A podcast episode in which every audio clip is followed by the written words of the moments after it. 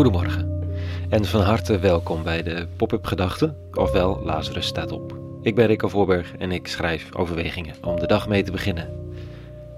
Vandaag met de titel Hebben we leiders nodig? Pop-up Gedachten vrijdag 13 januari, 14 januari 2022. Of we leiders nodig hebben, ja, nogal wie dus. Leiderschap is ongeveer het ding van onze tijd. Goede leiders, serieuze leiders, wijze leiders. Dat hebben we nodig. Anders wordt het een zootje. Wat we kunnen missen als kiespijn zijn liegende leiders, achterbakse leiders, autoritaire leiders. Wat moeten dan de leiders doen? Nou, de koers aangeven, recht spreken, bevestigen wat waar en goed is en ons herinneren aan wat gênant en beroerd is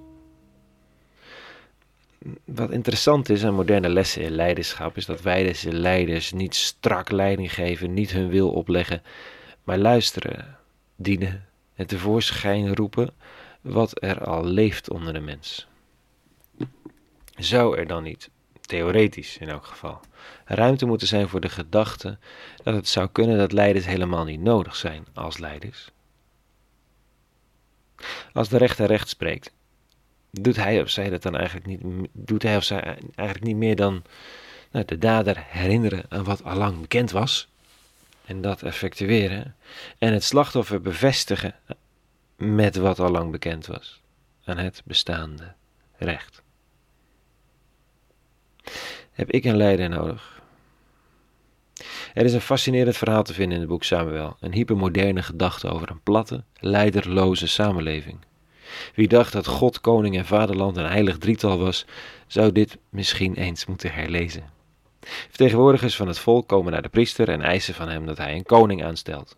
Samuel, de priester, vindt dat een bar slecht idee en gaat in conclaaf met de eeuwige zelf. Die zegt, volgens de tekst, dat dit betekent dat ze het goddelijk leiderschap verwerpen en dat er alleen maar ellende van komt.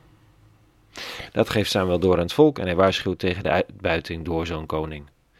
Maar, staat er, het volk wilde niet naar Samuel luisteren en zei, toch moeten wij een koning hebben. Dan zijn wij gelijk aan alle andere volken. Onze koning zal rechter over ons zijn en voor ons uittrekken om onze oorlogen te voeren. Samuel hoorde de verlangens van het volk aan en bracht ze over aan de Heer. De Heer zei tot Samuel: Ga in op hun verzoek en stel een koning over hen aan. Wie nog dacht dat koningen regeren bij de gratie Gods, moet nu concluderen dat zij regeren ondanks de gratie Gods. Of dat die gratie groot genoeg was om ons weg te laten komen met het onzalige idee om een koning aan te stellen. Wat betekent dit voor mij? Nou, het legt in elk geval de verantwoordelijkheid terug. Het stampt de hiërarchie uit de samenleving. Jij en ik zijn gelijkelijk verantwoordelijk tegenover de eeuwige, en er is geen ander aan wie ik die verantwoordelijkheid kan overdragen. Als je spijt hebt over stommiteit, is er de tempel en de priester. Als je opnieuw wilt leren wat goed en waar en volkomen is, dan is er de priester en de tempel. Maar er is niet zozeer een glimmend centrum van de macht om naar op te kijken en trots op te zijn. Je bent het zelf. Neem die verantwoordelijkheid. En het is ook fijn als een leider voor je gaat denken, maar dat is precies het probleem dat God ermee lijkt te hebben. Het geweten en de mens, de inspiratie in jouw ziel, de intuïtie, de hoop, de liefde, die zijn genoeg. Daarin spreekt de eeuwige, mens, je weet wel wat goed en waar en volkomen is. Ga maar doen. Erken waar je vervolgens faalt en begin opnieuw. De koning is ook een symbool, de goede sier, de trots op volk en vaderland. En er is veel meer dan, dan, dan de koning dat die functie draagt. Van het merk dat je draagt tot de kerk waar je lid van bent, of de partij op wie je stemt, of het bedrijf waar je onderdeel van bent. Die goede sier, dat identificeren met een instantie. Die tekst van 30 eeuwen geleden is er al hyperkritisch op. Vanochtend dus deze vraag aan mij of ik mijn eigen leiderschap ter hand neem. In samenspraak met de eeuwige.